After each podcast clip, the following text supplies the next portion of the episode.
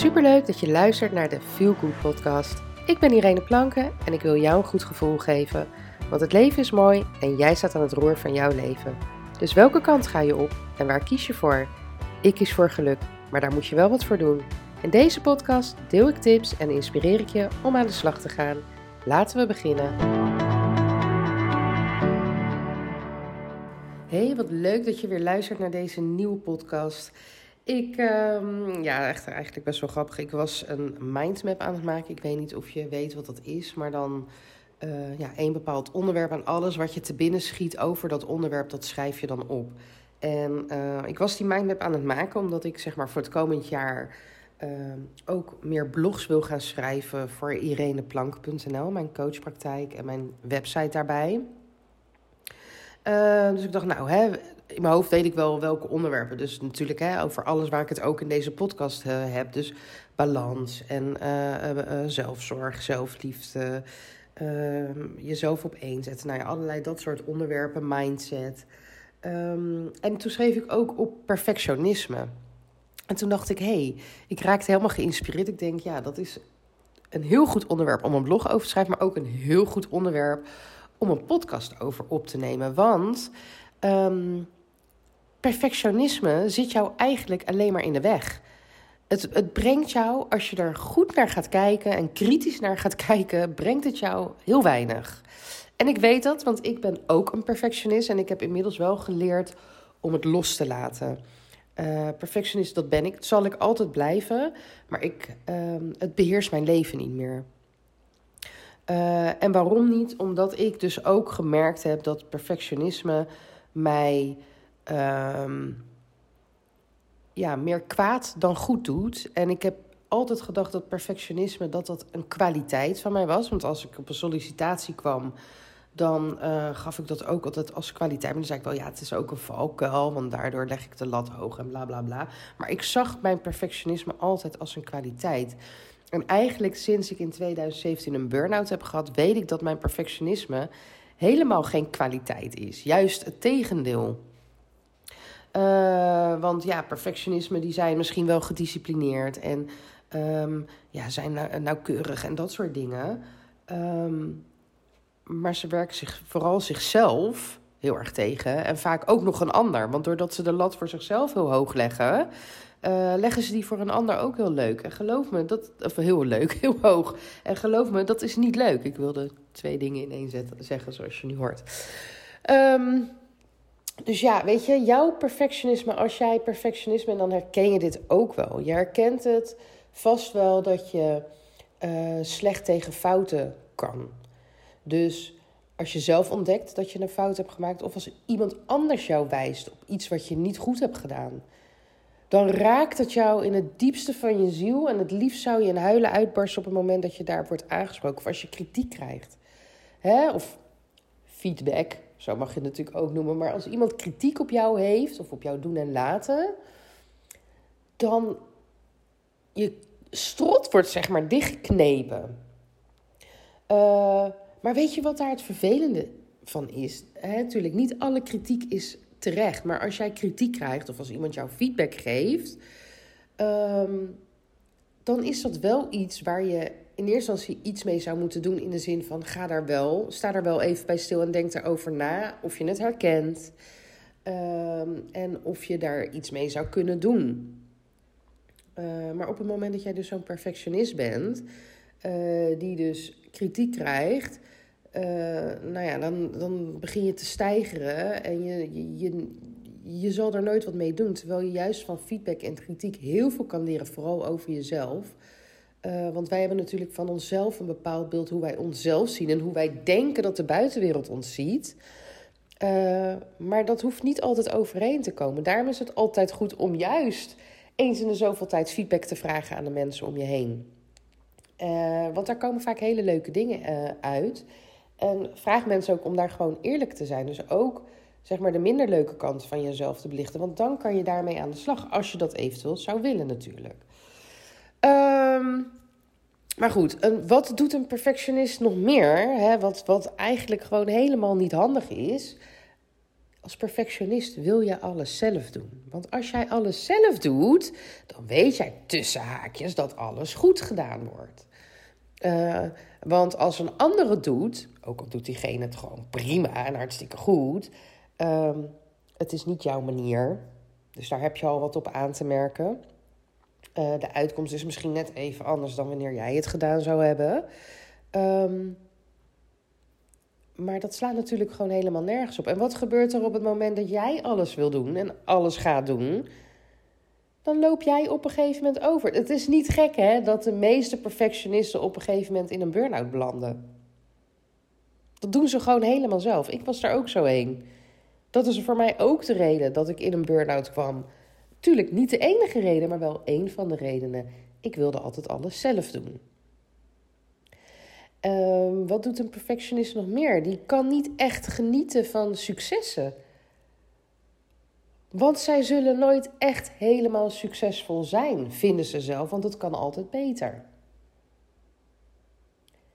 Terwijl juist door te genieten van je successen en je successen te vieren, motiveer je jezelf om nog meer successen te behalen.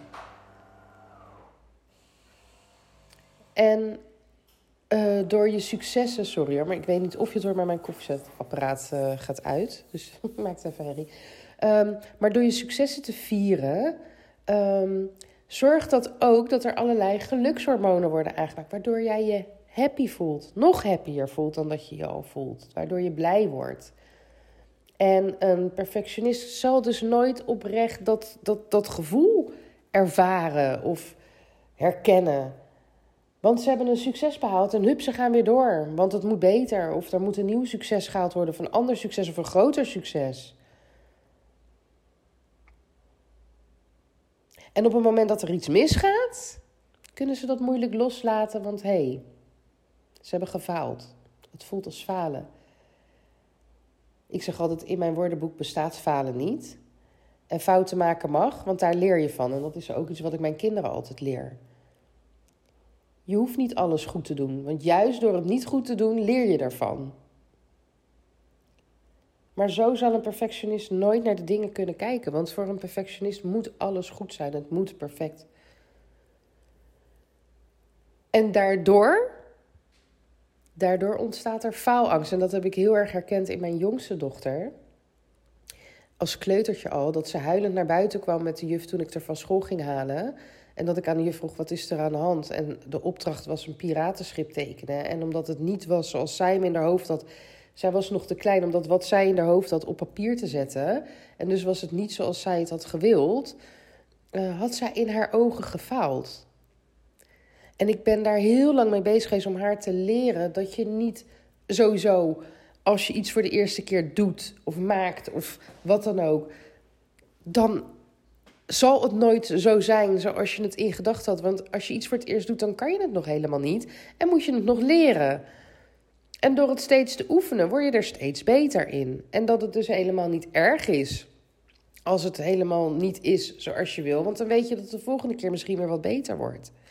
En ik heb haar ook geleerd dat zij niet, uh, bijvoorbeeld op school, was zij heel erg. Dat zij kan echt thuiskomen en tegen mij zeggen: Ja, mama, ik heb het cijfer van mijn toets terug en ik heb het echt niet goed gemaakt. Waarbij ik dan denk, oh, je hebt een 1, hè, als ze dat zegt. En ik dan zeg, maar wat voor cijfer heb je dan? Een 6. En dan denk ik alleen maar, maar schat, een 6 is gewoon hartstikke goed. Het is een voldoende. En de volgende keer gaat het misschien beter. Als jij de volgende keer, want ik kon gelukkig deze toets, kon ik heel makkelijk aanwijzen en zeggen van ja, maar je hebt ook maar twee dagen wat hier aan gedaan. Twee keer een avondje. En dat is dus blijkbaar niet genoeg. Dus je zal de volgende keer, zo je zodra je het blad thuis krijgt, er elke dag even in moeten lezen. En dan haal je misschien een beter cijfer als dat is wat jij wil. Maar je hebt het echt niet slecht gedaan, want je hebt je best gedaan en meer dan dat kan je niet doen. En het is heel, ik vind het heel lastig. Eén, uh, omdat ik zelf perfectionist ben. Um, en uh, het doet me ook echt wel pijn om te zien dat zij dit ook is. Maar ik moet zeggen, inmiddels is ze negen, bijna tien. En um, het is niet meer zo heftig als dat het was. Maar dat komt puur omdat ik continu erop hamer dat fouten maken mag. En nou ja, noem het maar op. Omdat ik niet wil dat zij opgroeit en ook continu zichzelf naar beneden haalt, omdat we alles wat ze doet niet goed genoeg is. Want uiteindelijk zal dat voor zoveel stress zorgen. En uh, ja, weet je, veel perfectionisten die hebben te kampen met depressies, met burn-out, wat ik zei, uh, angststoornissen, noem het maar op. Angst om te falen, hè, dat, allerlei dat soort dingen. En dat is het gewoon niet waard. Het is het niet waard. Dus als jij dit luistert en je bent perfectionist, misschien moeten we hem ook anders zeggen, want je bent het niet. Je bent het niet, want op het moment dat je zegt dat je dat bent, dan, dan bevestig je dat dus ook. Dus ik ga ook niet meer zeggen, ik ben een perfectionist. Nee, ik ben Irene en ik heb perfectionistische trekjes. Zo ga ik het voortaan benaderen. Want dan um, beschrijft het niet wie ik ben. Want ik ben niet die perfectionist. En ik moet me er nog steeds echt wel bewust van zijn op bepaalde punten. Dat ik daar goed op let. Uh, hè, dat ik me daar niet in laat meeslepen. Maar het zal me geen stress meer opleveren. Want ik heb leren loslaten. Ik heb leren loslaten en ik heb ingezien dat perfectionisme mij geen voordelen oplevert, maar alleen nadelen. En dat is wat ik continu in mijn achterhoofd heb op het moment dat ik voel dat een van mijn perfectionistische trekjes omhoog komt. Loslaten. En dat is natuurlijk heel moeilijk. Ik weet er alles van. En uh, volgens mij heb ik daar ook echt al eerder een uh, podcast over opgenomen. Zoek hem even op. Maar loslaten begint bij accepteren. Accepteren dat bepaalde dingen zijn zoals ze zijn. Want op dat moment kan je dingen loslaten. Maar ik kan er op een later moment nog wel een andere podcast. Hè? Hoe, ga je, hoe laat je je perfectionisme los? Um, maar anders wordt het een hele lange podcast. Maar dit was puur om jou een inzicht te geven.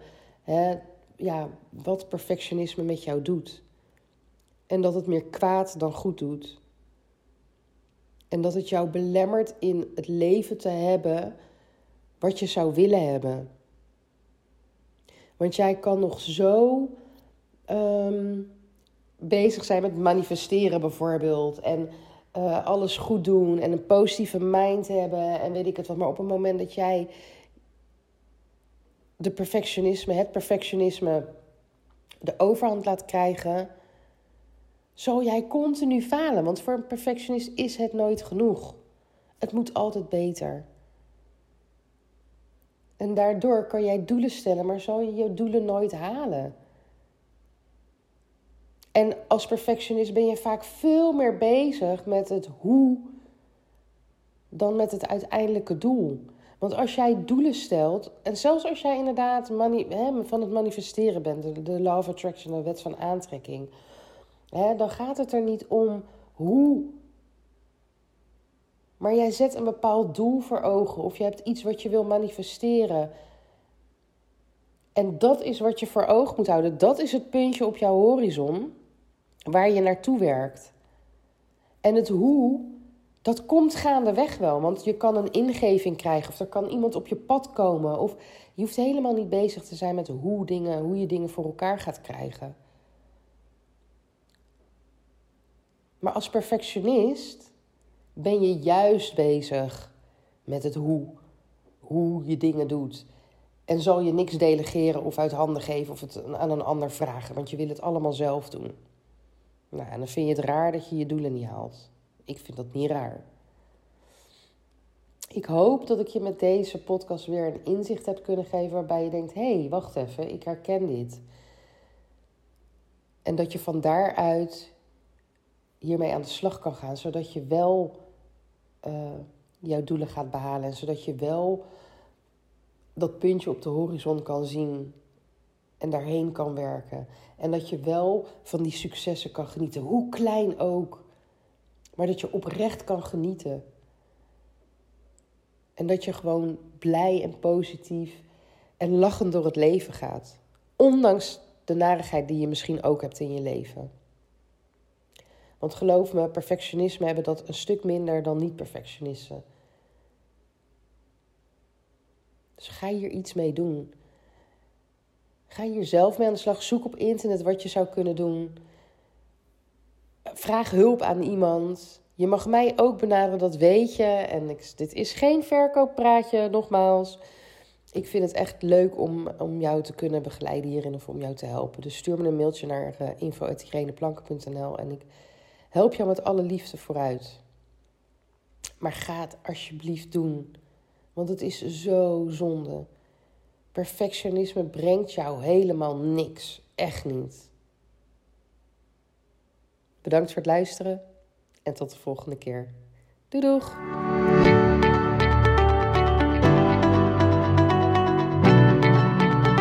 Dankjewel voor het luisteren naar de Feel Good podcast. En heb ik je kunnen inspireren? Maak een screenshot en tag me op Instagram Stories, zodat nog meer mensen mijn podcast gaan luisteren. En vergeet ook niet de podcast te volgen, zodat je nooit meer een aflevering mist. Tot de volgende keer. Doeg!